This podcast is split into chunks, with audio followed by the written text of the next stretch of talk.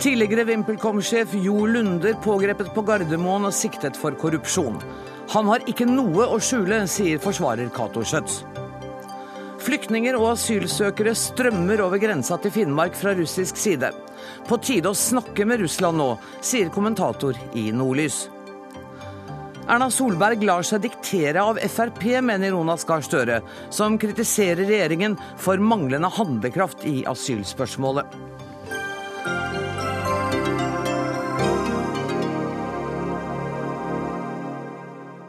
Dette er eh, noen av sakene i torsdagsutgaven av Dagsnytt 18, der vi også får debatt om habilitet i kontrollkomiteen. Men først i sendingen til den siste utviklingen i Telenor VimpelCom-saken. Ehm, for tidligere VimpelCom-direktør Jo Lunder er arrestert, siktet for medvirkning til eh, korrupsjon. Eh, Cato Schjøtz, du er hans forsvarer. Ehm, hva kan du fortelle om det som har skjedd i dag? Det har vært avhør hos Økokrim. Jeg møtte Jo Lunder for første gang, faktisk, klokken tolv i dag. Og vi gikk i avhør etter en time. Og jeg sitter i avhør nå til drøye klokken fem. Eh, eh, jo Lunder har svart på alle spørsmål og vil selvfølgelig samarbeide med Økokrim på alle måter. Og har forklart seg om hvorfor det ikke er grunnlag for å mistenke ham for korrupsjon. Kan du si noe mer om hva siktelsen går ut på? Siktelsen går ut på en utbetaling på 30 millioner dollar til en konto i Sveits i 2011. Eh, den har Jo Lunder forklart seg grundig om, og forklart seg om hvilken kunnskap han hadde, og hva han gjorde da den kom opp. Dette, en, dette var en utbetaling som skjedde eh, ca. to måneder etter at han tiltrådte som administrerende direktør. Gjelder siktelsen kun denne ene utbetalingen, eller omfatter den også andre forhold? Bare denne ene. Denne ene uh, Bare utbetalingen. Den ene. Bare den ene. Um, du har sagt tidligere at han har ingenting å skjule. Uh, hevder han at han uh, har gode forklaringer på disse 30 millionene? Ja, det mener han jo også det desidert. Og det har vi da brukt en del tid på i dag. Og så får man det da vente og se om hans forklaring er riktig eller ikke. Eh, det blir nye avhør, og det blir sikkert avhør av andre vitner også. Mm. Kommer avhøren til å fortsette i morgen? Har du fått noen signaler om det? Det vet jeg ennå ikke. Nei. Eh, det som skal skje i morgen, er at eh, vi har fått forespørsel om man samtykker i varetekt. og Det er ikke grunnlag for varetekt, så det har vi sagt nei til. Vi vet jo at det er dessverre slik at varetektsfengslinger sitter løst, altfor løst, i norske domstoler. Så, mm, så han fremstilles i morgen? Han fremstilles etter lunsj i morgen. Mm. Eh, det er ikke aktuelt å, å, å samtykke. Eh, og så får Oslo tingrett bare vurdere det på vanlig måte.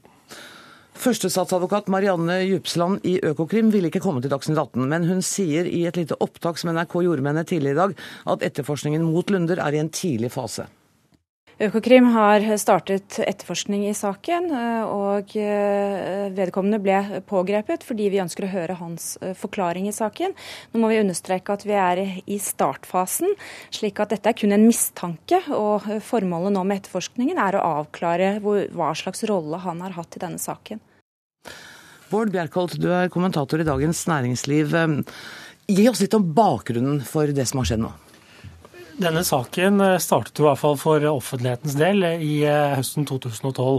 Eh, da hadde svensk TV en reportasje om fremferden til Telia Soneria i disse tidligere tidligere sovjetiske republikkene. Og vi begynte, altså Dagens Næringsliv begynte å skrive om, om Telenor og VimpelCom.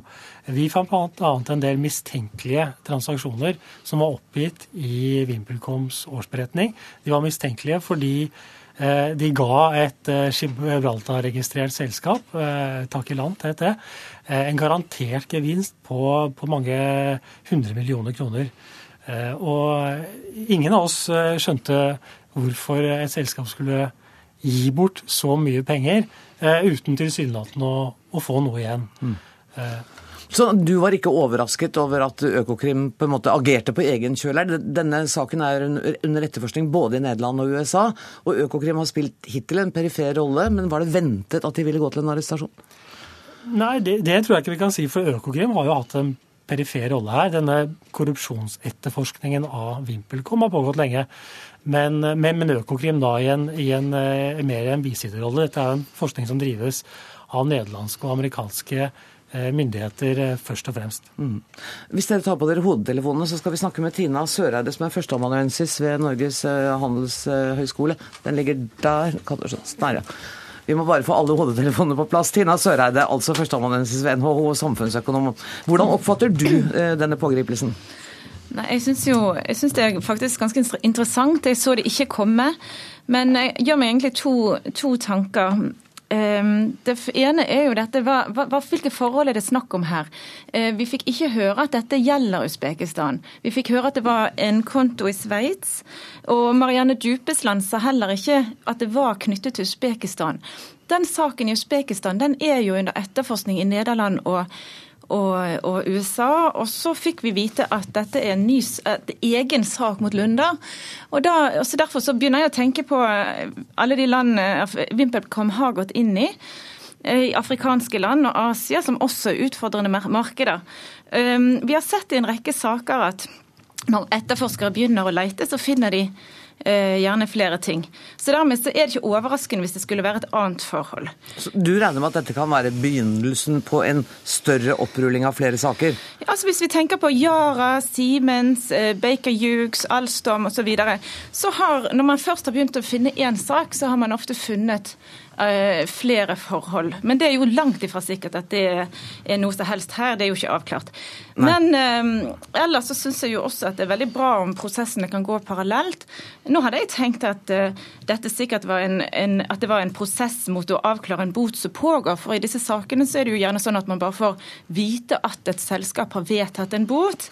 Men nå så, så ble jo dette en, en litt annen vending. Mm. Um, men for selskapet så er det jo viktig at det blir en ende på det, så det er jo veldig positivt at flere prosesser kan gå parallelt.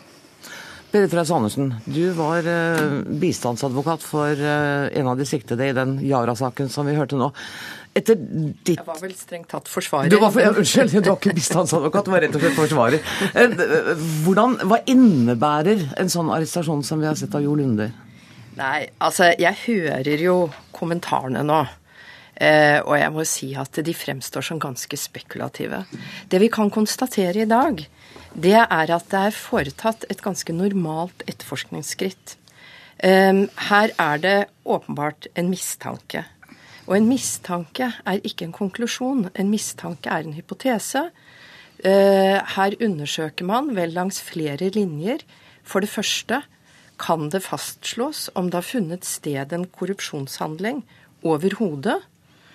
For det andre er det noen konkrete personer som er mistenkt for å eh, ha medvirket til korrupsjon.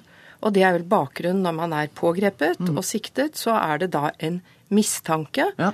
Og så skal Økokrim bruke svært lang tid, vil jeg tro, for å eh, finne ut av om det er hold i disse mistankene. Så jeg syns det er litt oppsiktsvekkende at man begynner å trekke konklusjoner allerede i dag. Men at Økokrim nå etterforsker meget aktivt. Og når man snakker om selskapet, så er det jo her også et litt sånn problematisk forhold. Det er ett selskap som heter VimpelCom, eh, som åpenbart er under etterforskning. Og så har det hatt eh, bølger og konsekvenser mot et selskap som har en aksjepost i VimpelCom, og det er Telenor. Og man kan ikke identifisere disse to selskapene. Det må være separate vurderinger. Så mitt budskap er det er mange som blir avhørt, også pågrepet og siktet i løpet av en sak, eh, uten at det medfører tiltale. Her må man være litt varsomme nå med å ikke forhåndsdømme verken selskapene eller enkeltindivider, men det er en aktiv etterforskning. Men, men uh, du har også vært kritisk til jurister som sier at uh, representanter for ledelsen i Telenor kan bli stilt strafferettslig ansvarlig for det selskapet har gjort? Ja, i prinsippet så kan, eh, så, så, så kan selvfølgelig det skje. Men jeg stiller meg kritisk til både den rettslige fremstillingen, at man nærmest, hvis man er i et område hvor man vet det er mye korrupsjon, man ikke foretar seg noe, at man da kan komme i straffansvar. Nei, så enkelt er det ikke. Først må det bevises en korrupsjonsmistanke, så en medvirkningshandling. Og, og det er klart, altså korrupsjon er jo menneskeskapt. Det er jo noen som har gjort det hvis det har funnet sted. Men jeg syns dette bidrar veldig til en forhåndsdom, den type uttalelser. Cato Schjøtz, jeg går ut fra at du er enig med din kollega Reis Andersen? Som vanlig er jeg helt enig med Berit Reiss-Andersen. Det som er viktig for meg, det er jo å få frem det som er spesifikt for Jo Lunder. Hva visste han? Hva gjorde han? Det er ikke VimpelCom som er min klient. Eh, jeg er opptatt av at hvordan vurderer Jo Lunder helt subjektivt? Og det er det jeg kommer til å jobbe med i fortsettelsen. Bjerkholt, var du litt uh, spekulativ? Som Reiss-Andersen så på deg. Ja, det, det gjør du sikkert. Eh, jeg, men jeg er helt enig i at det er altfor tidlig å si om Jo Lunder har gjort noe gærent. Og han sier jo selv at han ikke har gjort det. Men det som er helt klart, er at disse tingene og disse transaksjonene VimpelCom har involvert seg i, de er svært suspekte. Det er veldig vanskelig å forstå hvorfor man skulle inngå sånne avtaler som de har inngått, hvis ikke formålet var å gi noen penger under bordet. Og Jo Lunder har hatt en, en, svært sentral rolle i dette selskapet. Så for en utenforstående så må jeg si at jeg, jeg, det, jeg stiller meg litt undrende til at en person som først har vært styreleder, så har vært konsernsjef, ikke vet noen ting om dette. Og vi vet også foreløpig veldig lite. Og som jeg har sagt, så ville Økokrim ikke komme til Dagsnytt 18, men de understreker at de er tidlig i etterforskningen, sånn at dette kommer vi til å snakke mer om i Dagsnytt 18. Og at det bare er en mistanke. Det er en mistanke. Han er, han er siktet, ikke sant? Tusen takk for at dere kom, Bård Bjerkholt, Tina Søreide, Berit Reiss-Andersen og Cato Schjøtz.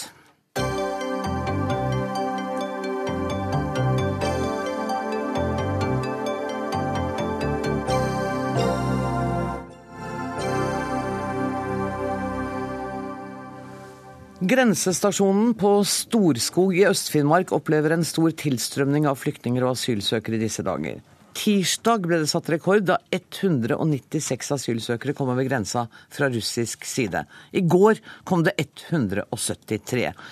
Ellen Katrine Hetta, du er politimester i Øst-Finnmark politidistrikt. Hvordan vil du beskrive situasjonen? Situasjonen er veldig alvorlig. Den er litt ja, ekstrem. Vi opplever at vi får en trafikk over som vi ikke har tilstrekkelig god kontroll på. Vi opplever også at vi ikke får gjort god nok jobb, altså sikkerhetsvurdering på de som kommer over. Og så har du den situasjonen at Øst-Finnmark politidistrikt er jo et forholdsvis stort politidistrikt. og Det betyr at andre saker må vente. Hvor mange asylsøkere og flyktninger har dere tatt imot siden tilstrømningen startet i september? Tilstrømminga starta jo litt før september. Okay. Frem til 8. september så hadde vi tatt imot 205. Men det er helt riktig, fra begynnelsen av september så starta den voldsomme stigninga i alle kurvene. Så hittil i år så har vi tatt, tatt imot 3402. 3402. Og Storskog er altså en grensepost som markerer den ytre grensa av Schengen. Um, hva gjør dere når det kommer 200 mennesker om dagen? Vi forsøker vårt beste. Jeg har en arbeidsstokk som gjør en fantastisk jobb, og de står på døgnet rundt for å få det her til å gå, gå rundt. Så vi forsøker vårt beste, og så prøver vi etter beste evne å skjerme den ordinære trafikken fra asyltrafikken.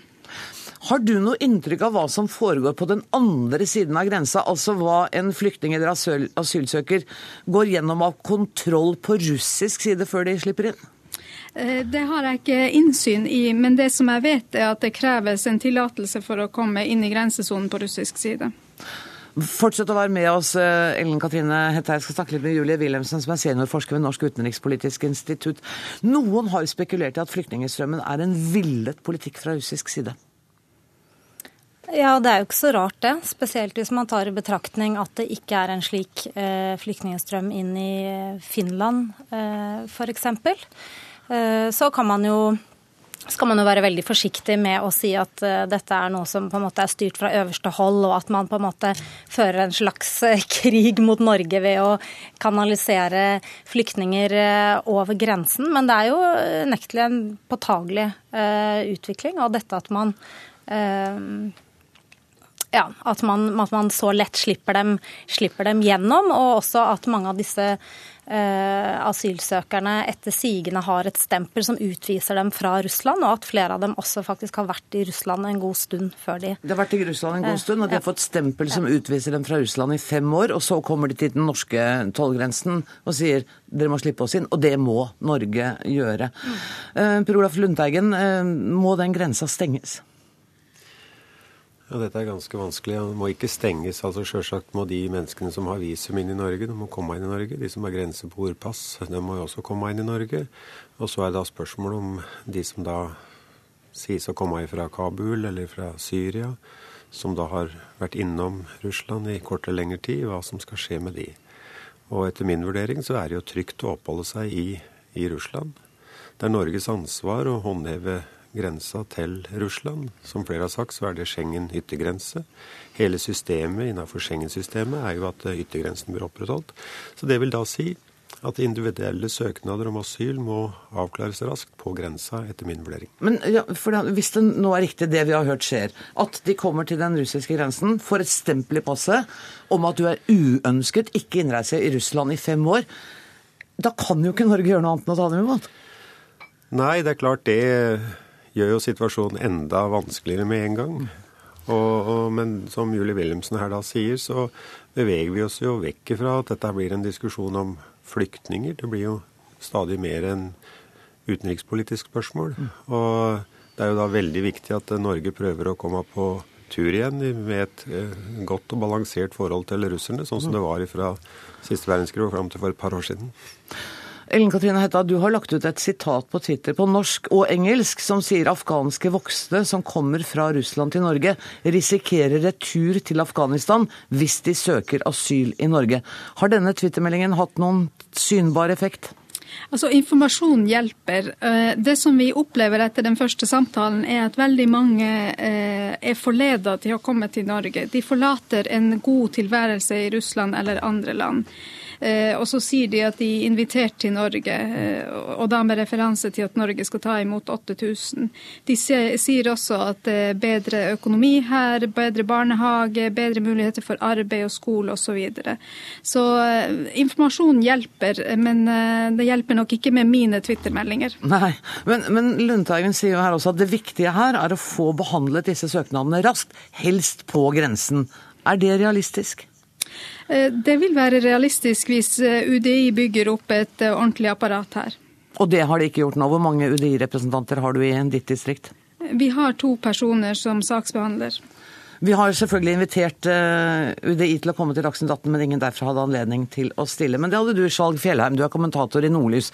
Og du har sagt at Nord-Norge er i ferd med å bryte sammen under presset fra flyktningstrømmen. Hvordan da? Ja, det er ikke jeg som sier det. Det er jo ordføreren bl.a. i Sør-Varanger, Rune Rafaelsen, en ordfører for en kommune med 10 000 innbyggere, som beskriver at infrastrukturen er i ferd med å bryte sammen. Det er klart En kommune med 10 000 innbyggere som skal ta imot 200 eh, asylsøkere hver dag, det er bare å bruke kalkulatoren og begynne å regne så skjønner man fort at, eh, at, eh, det blir problemer. Men vi står jo overfor en ekstremt dramatisk situasjon i Nord-Norge, som jeg er usikker på om norske myndigheter egentlig har tatt inn over seg. I dag hørte vi fylkesmannen i Finnmark, Gunnar Kjønøy, si at uh, man må være forberedt på 1000 uh, asylsøkere over den norsk-russiske grensa hver dag. I løpet av 70 dager så blir det altså et antall som tilsvarer hele befolkninga i Finnmark fylke i dag. Så at alle må jo nå forstå at det er avgjørende at Norge kommer i en dialog med Russland, en politisk dialog. Det kan ikke være noen utenrikspolitisk sak i Norge i dag som er viktigere enn å få i stand en avtale med, med Russland om å få, få stansa dette. For det er jo også åpenbart, hvis man skal stole på de opplysningene som politiet da da gir, at ganske mange av de som kommer, ikke har et reelt behov for beskyttelse i Norge. Mm. Men, men, tror du da at, at, Russland bruker dette som et politisk virkemiddel, ved at de nå plutselig slipper dem inn i Norge, og til, til, til og med stempler passet om at de har innreiseforbud i Russland?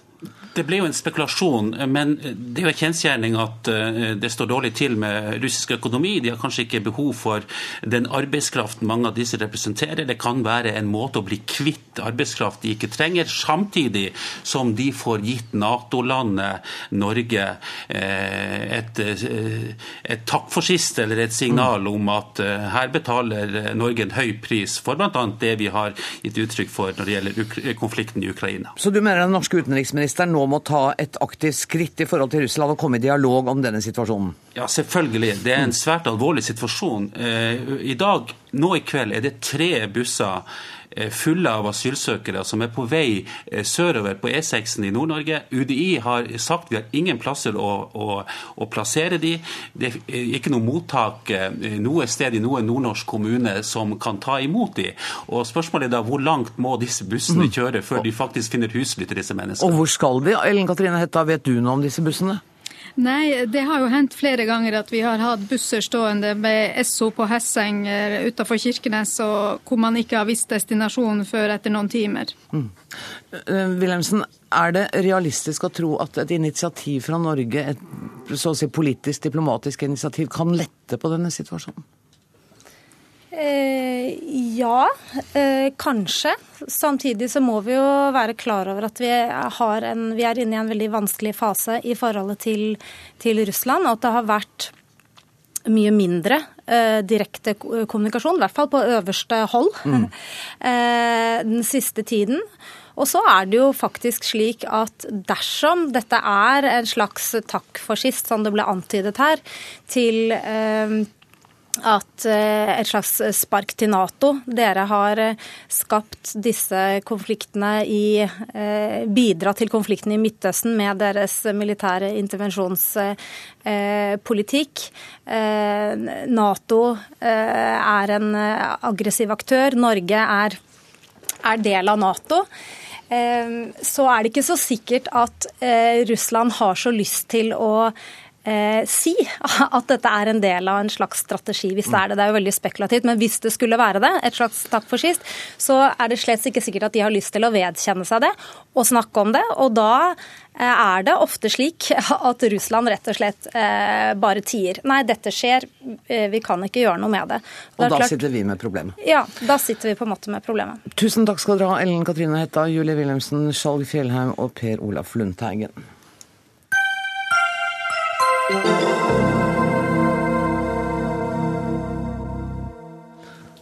skal fortsatt eh, dreie seg om eh, asylpolitikken. Innkommer leder i Arbeiderpartiet, Jonas eh, Gahr Støre. Du hørte denne debatten her.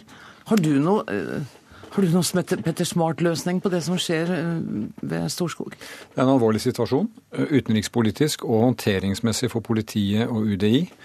Eh, min første kommentar er at regjeringen må føre aktiv dialog med Russland. Finne løsninger på passende nivå, både politisk, men ikke minst på grensekommissariatnivå. Det er ikke slik at det er én ansvarlig i Russland for dette, det er mer komplisert. Men så etterlyser jeg eh, sterkere kapasitet på norsk side ved den grensen. Det er altfor lite eh, bemanning der nå fra UDIs side. Og jeg etterlyser også klarere signaler om hvilken returpraksis det er for de som kommer over grensen og som ikke har rett for beskyttelse. Jeg tror først når vi ser at de som ikke har krav på opphold, blir returnert. Da vil det ha en påvirkning på de som er på andre siden av grensen. Det holder dessverre ikke med en twittermelding fra eh, politimesteren. Det sa politimesteren også. Hennes twittermelding hjalp ikke mye. Grunnen til at jeg inviterte deg i dag, var at du sier i en eh, kommentar på Ytring at Erna Solberg tillater Frp å diktere håndteringen av asylkrisen på tvers av det hun selv la opp til for under en måned siden. Du har kalt artikkelen for tapt tid. Hvorfor det? 13.10 så gikk statsministeren på talerstolen i Stortinget og holdt en god redegjørelse om situasjonen og inviterte til politisk dugnad bredt på tvers av skillelinjene for å få til felles holdning bak eh, tiltak for å håndtere denne store strømmen. Det svarte jeg ja til. Alle de andre partiene på Stortinget svarte ja. Eh, så kom tilleggsmeldingen eh, til budsjettet. Vi ventet på den. Og jeg har lagt vekt på å være tilbakeholdne som opposisjonspolitiker denne tiden for å gi støtte til regjeringen og medvirke til brede løsninger. Da vi så skulle møtes i det første møtet, så sier Fremskrittspartiet nei. Det er ikke snakk om noe bredt forlik. Eh, og det vi er vitne til utover i uka, det er altså at eh, Fremskrittspartiet nå skal, sammen med Høyre, forstår jeg, lage nye lister med tiltak. Eh, jobbe med dem, og så skal de se om ikke Stortinget vil vurdere det. Det er tapt tid. Vi møttes på mandag. Kunne da allerede begynt å arbeide med en lang rekke konkretiseringer av det regjeringen har lagt fram. Hvis et bredt forlik er målet. Jeg vil jo presisere at hvis regjeringen ønsker å gjøre et forlik med de partiene de har samarbeidsavtale med, KrF og Venstre, så gjerne det. Eh, men det å drive nå og spille frem og tilbake og gjøre uklarhet om hvem som bør finne løsninger, det gjør at vi taper tid, og det er ikke klokt i dagens situasjon. Før vi går videre, så må jeg bare si at vi har selvfølgelig invitert eh, statsminister Erna Solberg. Vi har parti invitert partileder eh, Siv Jensen, og vi har invitert justisminister Anun, An, Anun, Anders Anundsen. Ingen av dem hadde anledning til å komme. Det er grunnen til at jeg sitter alene med deg. Men Jonas Gahr Støre, har du allikevel latt det gå prestisje i det du sa det ikke skulle gå prestisje i, ved at du nå sier ja, det ble ikke noe av dette store, brede asylforliket. Hvorfor gjør det ikke det? Når realiteten er at regjeringen kanskje handler raskere på egen hånd og får til denne strengere asylpolitikken? Men vet du hva? Tvert imot, de, eh, jeg mener at det er en lang ting regjeringen kan gjøre uten å ha noe forlik i Stortinget. De har elementer i sin samarbeidsavtale med Kristelig Folkeparti og Venstre som de ennå ikke har gjennomført, som de kan sette i gang og gjennomføre. Men det er jo statsministeren selv som har bedt om en bred dugnad. Det er de to parlamentariske lederne fra Høyre og Frp som har invitert de andre partiene til møte. Og de andre partiene har sagt la oss nå legge forskjeller til side og stille opp, for det trenger vi. Jeg tror disse løsningene eh, de er så alvorlige, altså det er så alvorlige utfordringer for landet at det å ha brede forlik er bra. Men som sagt, hvis regjeringen vil jobbe med KrF og Venstre, finne disse løsningene på denne store asyltilstrømningen, så har de full anledning til det. Men eh, Fremskrittspartiet har i løpet av denne uken altså sagt nei til det statsministeren inviterte til, og satt i gang masse andre prosesser som gjør at jeg mener Norge taper tid, svekker handlekraften, bl.a. der oppe ved Storskog. Men, men, er det da slik Jonas Gahr Støre, at uh, hvis nå Fremskrittspartiet får det som de vil overfor statsministeren, og de sier det viktigste nå er å innføre en strengere, men, uh, men rettferdig asylpolitikk, vi vil ikke ha dette asylsamarbeidet med dere. Kommer du da til å innta den gamle opposisjonsholdningen og gå i politisk krig med dem igjen? Nei, vet du hva. Altså, igjen, jeg, vår dør er fortsatt åpen okay. til å bidra til forlik. Og nå må vi prøve å se på hva som er viktig å få til. Eh, eh, det er altså snakk om å bidra internasjonalt til et mye bedre samarbeid i Europa. Dette er veldig alvorlig for Europa og forholdene til landene rundt. Så handler det om å gjøre uh, mottaket bedre. Uh, som sagt, Storskog er et godt eksempel. Og så er det en lang rekke ting på veien på integrering hvor jeg mener vi har grunn for samtale. Vi kan være enige om en del forenklinger. Det er mange signaler i den tilleggsmeldingen fra regjeringen som vi kan støtte opp om. Og vi hører nå tilbakemeldinger fra kommunene når det gjelder muligheten for å lykkes med integrering, som vi alle må ta inn over oss. Men jeg mener igjen, regjeringen har jo valg om de vil søke brede løsninger eller ikke. Statsministeren har bedt om brede løsninger, fått svar til ja, og så har Fremskrittspartiet sagt nei. Det mener jeg er at de eh, dikterer politikken til regjeringen. Det er uheldig, og vi taper tid. Kan jeg spørre deg hva du eh, synes om begrepet godhetstyranniet, som eh, har blitt lansert som et politisk ord de siste dagene? Altså, Hvis ikke vi tillater nå meningsdrøfting, sterke meninger, lufte frustrasjoner øh, og slippe frem også frykt, så gjør vi noe feil. Det må norske demokratiet klare. Vi klarer friske debatter.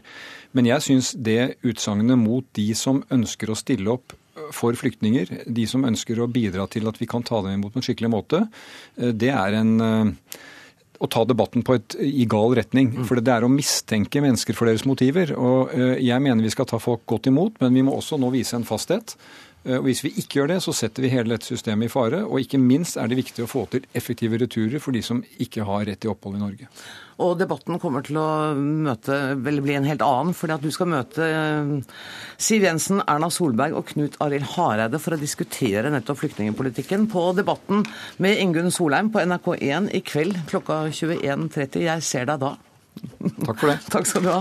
Eh, inn kom eh, kollega politisk kommentator eh, Lars Nehru Sand. Har Jonas Gahr Støre rett i at Erna Solberg er litt svekket i forhold til Frp i denne saken? Nei, det er ikke Frp alene som bestemmer regjeringens politikk i denne saken. Men akkurat nå så bestemmer de på sett og vis tempo i prosessen. Og det vil alltid være sånn at det er den som går senest, som kanskje bestemmer takten for de andre mer enn de andre skulle ønske. Og nå er det sånn for Frp at Fremskrittspartiets, eh, kanskje spesielt deres interndemokrati, har et eh, stort behov for å vise omverdenen og for så vidt seg selv at alle veier er prøvd, at deres krav er eh, sterke og gjenkjennelige. De er opptatt av sitt sakseierskap som det partiet i Norge i 40 år som har kjempet for dette. Og de kan ikke nå bare se at det forsvinner inn i en sånn eh, møterom hvor alle plutselig er enige. Eh, derfor eh, tjener Frp, føler de selv, på å hale ut tiden litt, vise at de står på krava, fremmer krav alene, ikke som, som en del av noe, noe, større. Og derfor tar dette litt mer tid enn det, det kanskje ellers ville gjort. Har denne, dette kompliserte feltet skapt uro internt i Frp?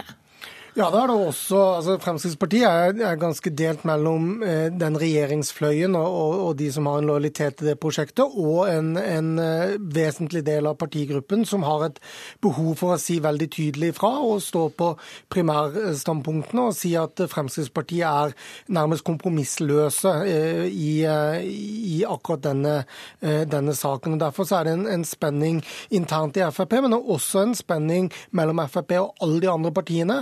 Og det vi har sett de siste ja, 24-25 timene i norsk politikk, har også vært historien om et Frp som har, eh, har skapt forvirring eh, blant de andre partiene. Dvs. Si, eh, både Høyre og, og, samarbeidspartiene KrF og Venstre, men også da eh, Støre som setter seg ned og skriver kronikk. Ja, og en usedvanlig skarp kronikk. Han snakker fremdeles om dette brede asylforliket. Er det realistisk å tro at vi kan få et asylforlik hvor både SV og Frp er med? Det er jo ikke noe mål i seg selv nødvendigvis å få med SV. Det som er et mål i seg selv, eh, kanskje spesielt for statsministeren, er jo å få til et forlik som eh, overlever et regjeringsskifte hvor eh, kanskje spesielt Arbeiderpartiet blir, blir et eventuelt førende parti etter 2017. Og det er viktig å få et bredere flertall bak seg i Stortinget enn det de fire samarbeidspartiene har i dag. Det er ikke svekket, men, men det vil ta lengre tid enn at de samtalene tok opp igjen igjen eh, i, i, dag, eh, for de som måtte ha trodd det. Men, men det vil da tidligst skje i, i, neste uke, sånn som jeg forstår det. Nå jobber både Frp på egen hånd, men også Høyre og Frp i samarbeid eh, med å konkretisere tilleggsmeldingen på Stortinget i, i deres to respektive stortingsgrupper, og legge frem konkretisert politikk over helgen, mest sannsynlig, slik jeg forstår det. Tusen takk skal du ha, Lars Nehru Sand.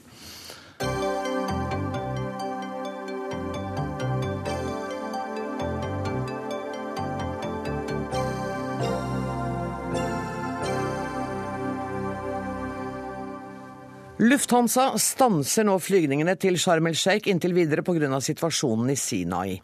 Tidligere har britiske flyselskaper gjort det samme etter at amerikanske etterretningstjenester meldte at det trolig var IS som sto bak bombingen av det russiske passasjerflyet, der 224 mennesker mistet livet. Likevel fastholder både egyptiske og russiske myndigheter at det ikke foreligger bevis for at det var en terrorbombe som forårsaket ulykken. Sigurd Falkenberg Mikkelsen, eh, Midtøsten-korrespondent for NRK, hva er siste nytt fra Egypt? Egypterne holder fast på det de har sagt eh, hele tiden. Eh, at eh, de, enda, de fortsetter etterforskningen. At det ennå ikke finnes, finnes, finnes, håndfaste bevis på at dette var en terrorhandling. Og holder da seg inne i denne prosessen. Luftfartsministeriet var ute her tidligere i dag og sa at det var altfor tidlig å, trekke noen konklusjoner. Og var da opptatt av å fortelle omverdenen at Egypts flyplasser var sikre. og at det landet fortsatt fly i Sharm el-Sheikh, men det var først og fremst russiske fly. da, I og med at de alle de store europeiske og internasjonale selskapene har uh, trukket seg. Men det er klart at de har også et, uh, et forklaringsproblem, fordi uh, det som har kommet fra egyptisk side her, har vært uklart og til dels motstridende. Mm. Nå kom det akkurat en melding om at SAS har innstilt sin flyvning på lørdag. Mm, Storbritannia og amerikanske etterretningstjenester de er ganske tydelige på at det var IS som sto bak. Hva sier egyptiske myndigheter til det? Ja, De eh, holder jo da fast på at de er i en etterforskningsprosess. Og vil og bare to, vente? Det er to parallelle prosesser her. Eh, det er egypterne som, og russerne som sitter på selve etterforskningen av eh, flyulykken, eller flystyrten, med eh, vrak, undersøkelse av vrakdeler, den svarte boksen, ferdskriveren og slike ting. Mens så vidt jeg forstår, så holder amerikanerne og britene på med en litt annen type etterretning, hvor de har bl.a. undersøkt IS-nettverkene og satellitter og slike ting.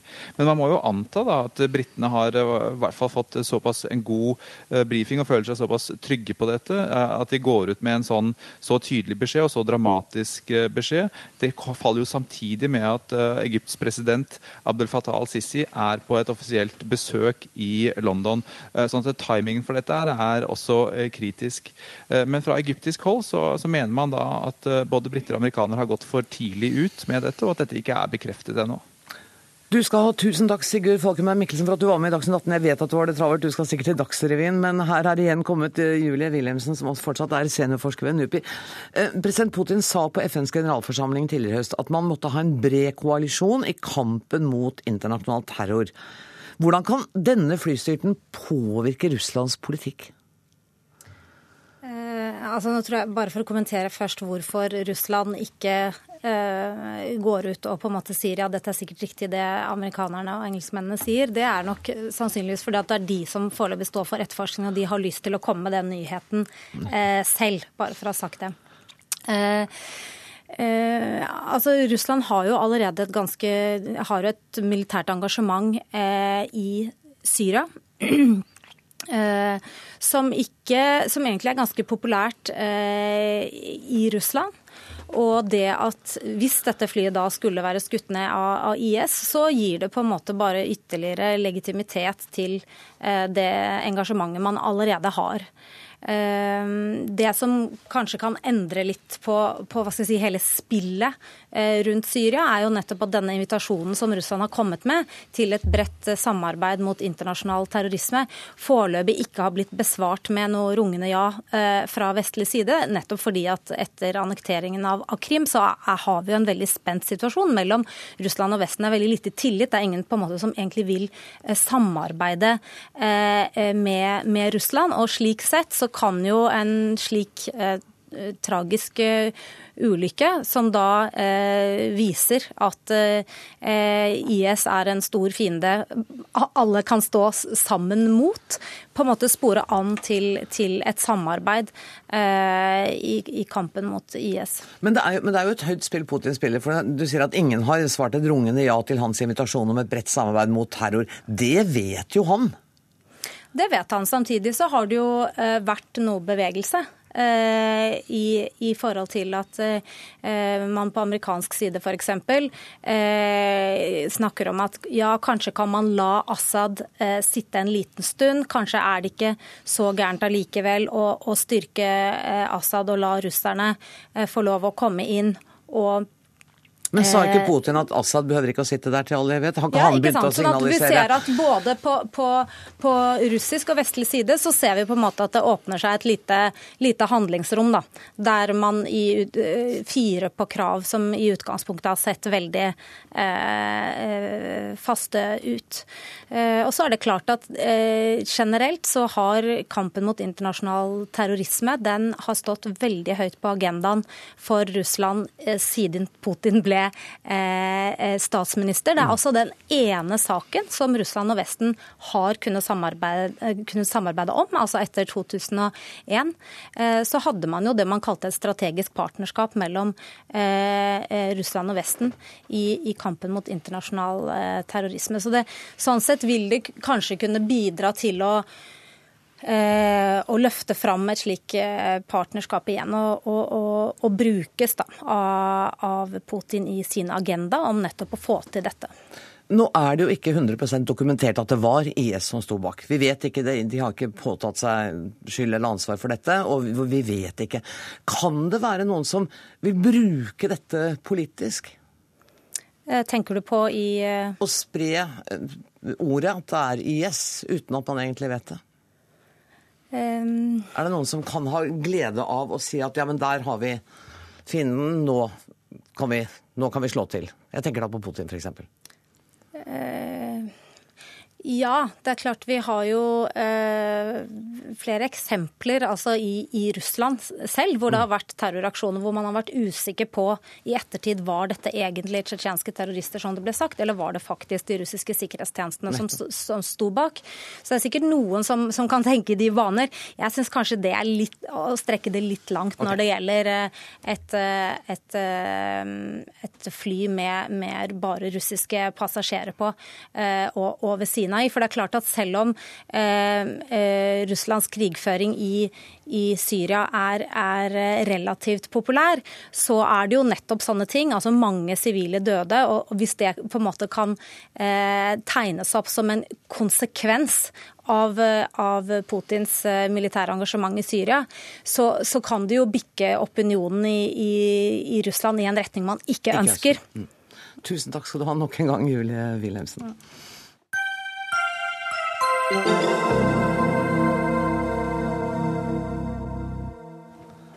skal på en måte fortsatt handle om VimpelCom-skandalen. For etter at kontroll- og konstitusjonskomiteen besluttet at det vil ha en ny høring om eh, Telenor, har det nå kommet fram at kontrollkomiteens leder Martin Kolberg og Telenor-sjef Sigve Brekke er gode bekjente. Så gode bekjente at du, Morten Kinander, jusprofessor BI, mener at Kolberg har en plikt til å trekke seg av habilitetsgrunner. Hvorfor det? Det gjelder for sånt uh, komitéarbeid uh, et uh, forsvarlighetskrav for saksbehandlingen. Både utføringen av høringen og med den innstillingen som skal skrives i etterkant. Det forsvarlighetskravet innbefatter grunnleggende habilitetsvurderinger. Eh, og da har vi eh, Geir Voksholt, eh, som er professor på juridisk fakultet, og jeg, skrevet en kronikk hvor vi mener at den habilitetsvurderingen slår ut slik at Kolberg ikke bør delta i denne utspørringen av sin ja, det som har fremkommet, da, eller ser ut til for omverdenen til å være hans gode venn. Hvem skulle foreta denne habilitetsvurderingen? Habilitetsvurderinger foretas jo først og fremst av vedkommende selv. Mm -hmm. Men det kan jo også være slik at eh, de habilitetsvurderingene er, som utføres, da, eh, er gale. Og da har man jo omverdenen til å påpeke at det, og at den kan være gal.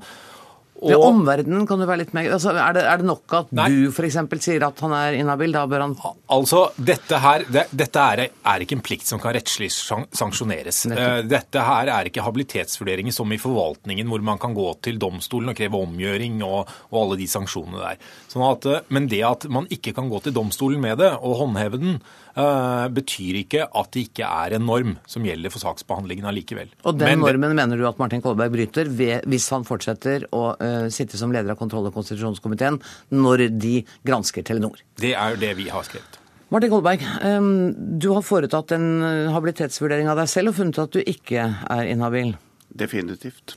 Er ikke det, det rart? Nei, det er ikke rart. Fordi eh, alle de forhold som nevnes her som argumenter for at jeg burde erklært meg inhabil, er jo da lagt fram for en samlet kontroll- og konsesjonskomité. Vi gjennomgikk det ganske nøye. Det var mange som hadde meninger fram og tilbake rundt dette. Men til syvende og sist så samlet man seg rundt, enstemmig, at jeg skulle fortsette som saksordfører i saken, som det heter. Jeg merker nå at man blander litt begrepene. altså Nå sa man leder i komiteen, fortsett som leder i komiteen. Det er en helt annen sak. Sa, han sa nettopp ut, delta i utspørringen, eller leder utspørringen. Det er også en annen sak. Saksordfører er en tredje spørsmål. Så det er litt, det er litt forvirring uh, her på advokatsida om hvilke begrep de egentlig konsentrerer seg om.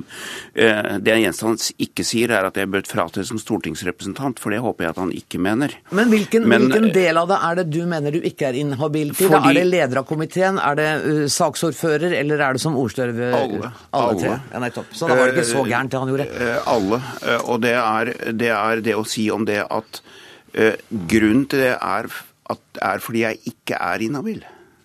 Fordi at Stortingets reglement også sier at det må være sterke personlige vinningshensikt som knytter seg til de behandlingene hvis du skal erklære deg inhabil. Mm.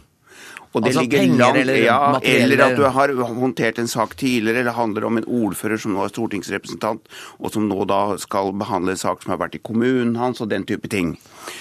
Og det, Da skjer det, for vi skal være veldig aktpågivende. Men her har, snakker vi altså om et forhold mellom Sigve Brekk og meg. Det er helt riktig det at vi kjenner Sigve fra før. Vi har vært uh, partikamerater, som det heter i mitt språk. Og uh, AUF, fra AUF-tida særlig, men det er jo mer enn ti år tilbake i tid. Og jeg har ikke hatt noen personlig kontakt med Sigve Brekke på ja, ti år, i alle fall. Jeg har, Det siste gangen jeg har vært i kontakt med han, som jeg har sagt i komiteen nå, da var jeg var hans kones 50-årsdag for ca. to år siden. Mm. Eh, og det er dette Det kan ikke sette i tvil en stortingsrepresentants habilitet på et sånt grunnlag. Og det er en samlet komité som mener, og da eh, trumfer det selvfølgelig de andre argumentene. Men ifølge din logikk så hadde det ikke spilt noen rolle om du også hadde hatt jevnlig kontakt med ham i løpet av de siste ti årene, så lenge det ikke var bindinger av en økonomisk eller materiell karakter? Men det hadde, nei, ikke, det er korrekt sagt, men allikevel så er det slik å si at hadde det vært sånn at hadde, vi hadde hatt tette middagsselskaper, hadde jo vært mye sammen hvis jeg hadde besøkt han i Singapore eller vært, hatt den type ting, så hadde saken tross alt plassert seg et annet sted. Men det er ikke tilfellet. Og da mener jeg at det ikke er grunn for å reise denne problemstillingen. Ja, altså vi, jeg, jeg, tror kanskje vi kan ta et skritt tilbake og sammenligne med andre eh, roller som man kan ha. Hadde Kolberg vært styreleder i et selskap som vurderte å inngå en avtale med Sigve Brekke, eh, eller en tilsvarende person, så hadde han uten videre gått på gangen. Hadde han vært leder i forvaltningen med de eh, habilitetskravene som følger av forvaltningsloven, så hadde han også fratrådt behandlingen av den saken. Og Da lurer jeg litt på hvorfor det skal stille seg veldig annerledes i denne saken, som da altså ligner langt på vei en forvaltningsbehandling. Uh, uten at det betyr at jeg mener at forvaltningslovens regler om inhabilitet gjelder. Uh, for det kan de jo ikke, for de er nei, jo ombud. Ja, er våre, ja, og, og stortingsrepresentanter er selvfølgelig helt uh, normalt sett fritatt for det, for det hadde ikke fungert i praksis. dersom de skulle. Men da um, må jeg jo altså stiller meg litt undrende til den lojalitets- eller habilitetsvurderingen som, som, Kolberg trekker opp her. Det er ikke slik at det bare er grunnleggende økonomiske interesser og slike ting som, som gjelder da. Um, sakens alvorlighet, som Kolberg også har understreket, medfører at det stilles ekstra strenge krav, eller at kravene heves. Til, til, uhildethet og upartiskhet. Er du ikke beroliget av at det er lagt fram og behandlet i komiteen? Uh, altså Det at det er lagt fram, betyr jo at det var et tema mm. uh, da. Og det, jeg mener at det er et tema fortsatt. I den forstand at uh, det at man har hatt et nært vennskap, og med mindre det vennskapet er, liksom, er formelt avsluttet gjennom uvennskap, så, så, skaper nære vennskap lojalitetsbånd omtrent livet ut. Ja, men som er uvennskap, hadde jo skapt akkurat de samme habilitetsutfordringene. Helt enig. i det. Ja, altså Denne sammenligningen med styreledersaken er at jeg er ikke styreleder. Jeg er medlem av Stortinget. Og hvis man skal følge den logikken som presenteres her fullt ut, så mener han vel også at jeg ikke skal delta i behandlingen av saken i salen. Ikke stemme over eventuelle forslag. Og da beveger han seg inn i et område som utfordrer hele Stortingets måte å håndtere dette på. Selvfølgelig. Er det det og du det, forlanger? Nei. nei. han forlanger ikke det. Han forlanger at jeg ikke skal være med i noe, men jeg skal ha en mening om dette til slutt. Mm. Og det er jo voteringen til slutt i forhold til f.eks. For statsrådens gjøren eller laden, som da bygger på det som kommer frem gjennom denne saksbehandlingen, som vil være avgjørende for hvordan dette ender. Og det er klart at eh, når han mener nei på det, så ryker jo hele resonnementet egentlig. Fordi at da er det slik at Jeg skal ikke kunne få lov til å spørre Sigurd Brekk om noe. Jeg skal ikke kunne lede komiteen i denne saken. Jeg skal ikke kunne delta i komiteens møter. Men jeg skal kunne være med på å stemme til slutt. Og Det er det som er det store dilemmaet og, og bristen i dette resonnementet som presenteres fra disse to professorene. Nå ser jeg at andre professorer i dag eh, kommer på banen og sier det akkurat motsatte. Og sier at dette her er helt uriktig. Fordi stortingsrepresentanter er alltid habile eller inhabile. Mm. Og da gjelder det hele Og det gjelder hele, det gjelder hele pakka. Nettopp. Og det er dette som også vi må legge til grunn hvis vi skal diskutere det. Men det viktigste er, og jeg kommer tilbake til det, jeg er habil i forhold til Sigurd Brekke. Jeg er helt rolig inni meg når jeg sier det. Og jeg har vært med i politikken i 42 år. Jeg er 66 år, jeg vet hva jeg sier, jeg jukser ikke med dette. Hadde jeg gjort, vært i tvil selv, så hadde du trukket deg? Så kunne jeg gjort et helt annet, tatt et helt annet standpunkt. Men hvis du hadde vært i tvil selv, Martin Kolberg, hvis du hadde vært i tvil eh, og tenkt at uh, her er jeg kanskje inhabil, måtte du da ha trukket deg? Også som stortingsrepresentant, for å følge din egen logikk? Da måtte man gått hele rekka ut. Mm. Og det finnes jo eksempler på at man har gjort det når det er såkalt sterke personlige interesser inne i bildet. Mm. Og at man trekker seg helt ut av dette. Mm. Men vi er på ingen måte der, og derfor holder jeg fast ved dette standpunktet. Nei, jeg, jeg, jeg, fastholder vel det jeg eh, har sagt tidligere, at eh, det fremstår for meg, og det er også det som er grunnleggende krav i den inhabilitetsvurderingen, hvordan det fremstår for omverdenen ikke bare hvordan vedkommende selv har det. Og da skjønner jeg ikke helt hvorfor det er så viktig for Kolberg å være med i dette. Når det har vært et tema, han har fremlagt det for eh, komiteen, hvorfor ikke da han eh, trekker seg tilbake og lar en annen eh, representant stille i hans sted? Det tror jeg Martin Kolberg opplever at han har forklart. I hvert fall så har tida gått for oss nå. Tusen takk skal dere ha, Morten Kinander og Martin Kolberg.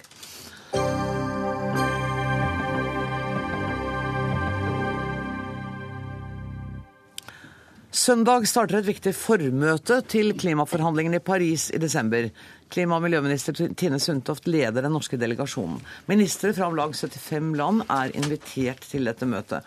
Målet for forhandlingene er altså å begrense oppvarmingen av jordkloden til to grader. Dette togradersmålet. To Tine Sundtoft, eh, hva annet regner du med å oppnå på dette formøtet? Det viktigste med toppmøtet er jo igjen å diskutere hvordan avtalen bør være for at vi skal være fornøyd. Vi kommer til å gjenta det vi har eh, snakka om i halvannet år, at vi må få en avtale med et langsiktig mål. Vi snakker om en klimanøytralitet i 2050. Vi må få en enighet om at vi må treffes hvert femte år for å oppjustere ambisjonene. Og vi må få en fullstendig åpenhet om hva som er. Så mye av dette handler jo om å få med flere på den forståelsen som vi har hatt mange møter om eh, i hele 2015. Og tida går. Og dere snakker. Ja, men mens vi har snakket, så har nå 155 land levert sine klimamål. Eh, I oppkjøringen før København for seks år siden så var det rundt 90 land som hadde levert. Så det er ikke bare snakk, det er en helt annet engasjement nå, en forståelse for at vi må få en avtale i Paris som setter retningen for vår Men, men tror du sjøl at den avtalen kommer til å være sterk nok til at vi når togradersmålet? Det vet vi allerede nå, at den avtalen vi kan bli enige om i Paris om en drøy måned, kommer ikke til å være sterk nok til å nå togradersmålet. Men det at eh, Kommer ikke til å være sterk nok til noen ting, egentlig? Jo, jo, jo. Det som har skjedd denne uka Kina og Frankrike er enige om at vi må ha en oppgradering av avtalen hvert femte år og eh, sterke, som styrke ambisjonene. En fullstendig åpenhet om hva som ligger der. Det er jo et kjempegjennombrudd for at, som jeg har sagt i dette studioet før, Paris er ikke endepunktet, det er starttidspunktet for den store klimadugnaden som vi må gjennom for å nå togradersmålet. Anne Marte Blindheim, kommentator i Dagbladet. Du har skrevet en kommentar i forbindelse med møtene i Paris. og skrevet 'Norge er i klimatrøbbel'. Det er i hvert fall overskriften. Syns du at du blir beroliget av statsråden? Må jo si at Norge er jo et klimaflinkt land, da. det er vi jo. Eh, men så er det jo grunnen til at vi har et klimaproblem, er jo at alle land har sine klimasvin på skogen. Eh, og selvfølgelig er det noen paradoks i Norge også, som vi må få lov til å påpeke, eh, så lenge det er et så stort problem som verden sliter med. Um, og det er jo f.eks. at Norge er jo, ikke, er jo ikke helt på vei til å nå sine utslippsmål for 2020 heller. Det vil si vi, vi kan nå det, men da er det med kvotekjøp og hvis vi opplever økonomiske nedgangstider. Det er jo ikke så bra som hvis det har vært pga. at vi var på, på godt vei til et grønt skifte, f.eks. Mm. Um, og så driver vi med, eller vi er i hvert fall um, Regjeringen er positiv til oljeboring i Arktis, og det er den norske oljebransjen også veldig opptatt av. Og Der har jo FNs klimasjef sagt at det, det er jo slettes ikke i tråd med togradersmålet. Sånn at det her er jo selvfølgelig noen ting som Norge, mm, Norge har eh, ja, å svare for. Ja, Vi har noen svarte punkter eh, på merittlista vår, men har vi kan Norge liksom bety noe i Paris? Har Norge slagkraft i den forsamlingen der? Det tror jeg, og det tror jeg også Tine Sundtoft merker når hun er der. For Norge har alltid vært en veldig seriøs aktør. Mm. Med, vi har vært med siden starten eh, med våre beste folk og sørga for framdrift. Eh, og liksom vært veldig seriøse med dette og satt oss høye mål. Så det tror jeg nok. Og denne, dette med at Norge ønsker en, en sterk, forpliktende avtale også for, for framtida, med revidering hvert femte år, som nå Kina har gått med på, det tror jeg er viktig. Men jeg tror det også er viktig at vi, vi går litt foran da, og begynner å få snudd vår egen kurve snart. Mm. Ole Mattismoen, du er redaksjonssjef for politisk avdeling i Aftenposten. 11. Des... Hva sa du? Jeg er ikke det lenger. Nei, du er ikke det lenger, nei? Nei, nå er jeg klimajournalist, punktum. Akkurat her står det ja med det. Okay, Noen så... skal få bank i morgen. ja, det... du, 11. desember, eh, du er altså klimajournalist, så skal en eh, global klimaavtale etter planen undertegnes. Eh, sist de forsøkte, var i 2009. Mm. Noen av oss husker godt hvordan det gikk. Mm. På en skala fra 1 til 11, hvor optimistisk er du denne gangen?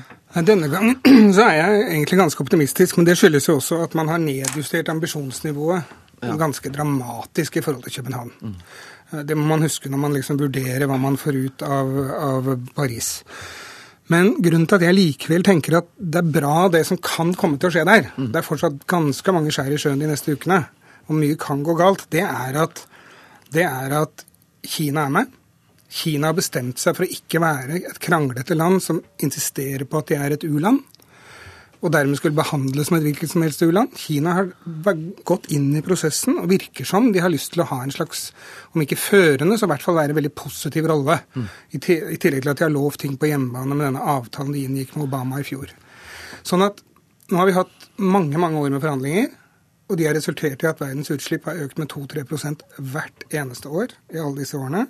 Så da tenker jeg at da er det bedre å få en litt dårligere avtale, mm. som kanskje kan redusere økningen til hva vet jeg, 1% Og som kan oppleves som forpliktende av dem som undertegner? Det håper jeg den vil gjøre. Jeg tror ikke den blir juridisk forpliktende. Det tror jeg f.eks. Eh, USA vil benekte til det siste, for da må den til Kongressen. Og der vet alle hva, eller mange hva republikanerne mener om, om, om klimatrusselen. Så da vil det bli nei. Så, men det vil bli en avtale som forplikter ved at landene sjøl har lagt inn løfter om hva, eller intensjoner da, om hva de har lyst til å gjøre de neste ti årene. Men Jeg, jeg syns det er liksom en litt optimistisk tone blant dere alle tre akkurat nå. og Sundtoft, Særlig det med Kina er jo viktig. Eh, vi har jo hatt eh, samhandling med Kina i mange mange år. Er det, er det grunn til å stole på dem i dette spørsmålet? Ja, det mener jeg. Det at de inngikk en avtale med USA i fjor var så tydelige på det. At de har gjort den avtalen med Frankrike nå, jeg står for det. Jeg har selv møtt Kina mange ganger i løpet av det siste året og opplever de som mer og mer eh, klare på hvor de vil hen. Jeg har eh, selv tatt til orde for i halvannet år behov for et langsiktig mål. Nå sist i New York for en, for en drøy måned siden så kom både USA og sier at ja, det går vi inn for. Det, det, hvor også Kina sa at dette er vi ordentlig villig til å diskutere. Så det har vært et sånn gjennombrudd på å ville mer. Og når Kina sier at de vil noe, så gjør de det også. Men uh, Blindheim, er det, er det, greit at man har redusert målene? At de var rett og slett for ambisiøse til København i 2009? Er det greit at de er mer realistiske nå? Eh, greit og greit. Altså, det jo, det, dette møtet kan jo bli på en måte en politisk suksess ved at man når ganske langt. Og så er det, noe, altså er det noe annet enn at man objektivt sett får en god avtale som faktisk løser klimaproblemet. Denne avtalen vil jo ikke, denne Paris, dette Paris-møtet vil jo ikke løse klimaproblemene. Eh, på noen måte. Det vil være mange ubesvarte spørsmål sikkert knytta til finansiering og til å komme helt ned på togradersmålet osv. Men, men, eh, ja. Men, men, da, men, du aksepterer at, man, at, det er en riktig vei å gå å redusere ambisjonsnivået noe for å få et litt bedre løft, sånn som Mattis må mene? kanskje det, men jeg syns det er forstemmende. fordi at Nå har jeg holdt på disse her klimamøtene siden 1992. Siden jeg gikk på barneskolen, så er det holdt på med klimamøtene. Det er lenge siden. eh, og um, generasjonene går, tida går, og disse her forpliktelsene ligger Man snakker 2030, 2050, det ligger forferdelig langt fram i tid. Mm. Det er en tendens å skyve ting ut og vekk og fram i tid som er litt skummel. Da nikker du, Mattis. Ja, det er jeg veldig enig i. ikke sant? Fordi at Når folk, eller land sier at de skal kutte så og så mye innen 2050 mm. ja, som du sier, Det er, en det er to, tre politikergenerasjoner til. Altså det, med andre ord, du, bestemmer deg, nei, du bestemmer deg for en visjon som ligger så langt frem mm. at ingen er forpliktet til den. Derfor er det det man skal gjøre innen 2020 f.eks., eller 2025. Det er noe annet. Mm. Men hvis du ser på hvor stor andel av det kuttet de skal ta der, det er veldig lite. Og det er det som er lettest å gjøre. Det betyr at man skyver på det som er virkelig vanskelig. Og Det er det som bekymrer meg mest. Mm. Men Det som jeg tror kan bli et litt spennende vendepunkt, da, det er hvis man slutter å få For det har vært et sånt race to the bottom, på en måte. altså Om å gjøre minst, om å holde på sine utslipp, få lov til å slippe ut mest, og slippe å gjøre noe. Hvis man da kan få det til å bli omvendt, da, at, det blir, at man prøver å komme i front, at det blir et race to the top istedenfor. Ja. Eh, La oss satse ja, men, på det. Kan vi ikke være enige om at vi, vi, fire i hvert fall satser på det? Sundtoft, vet du hva, du skulle gjerne fått ordet, men ja, ja, OK da. Fem sekunder. Vi satser på race to the top. Ja, og så har vi næringslivet med på en helt annen måte nå enn eh, før Paris, eh, unnskyld, før København for seks år siden. Nå skjer det noe. Ja da, ja da. ja da. Jubel og optimisme i Dagsnytt 18. Takk skal dere ha, Tine Sundtoft, Ole Mattismoen, Anne Marta Blindheim. Jeg skal før dere går bare skynde meg å si at det var Dag Dørum som var ansvarlig for denne sendinga. Det tekniske ansvaret har Finn Lie, jeg heter Anne Grosvold, og vi høres igjen i morgen. Takk for nå.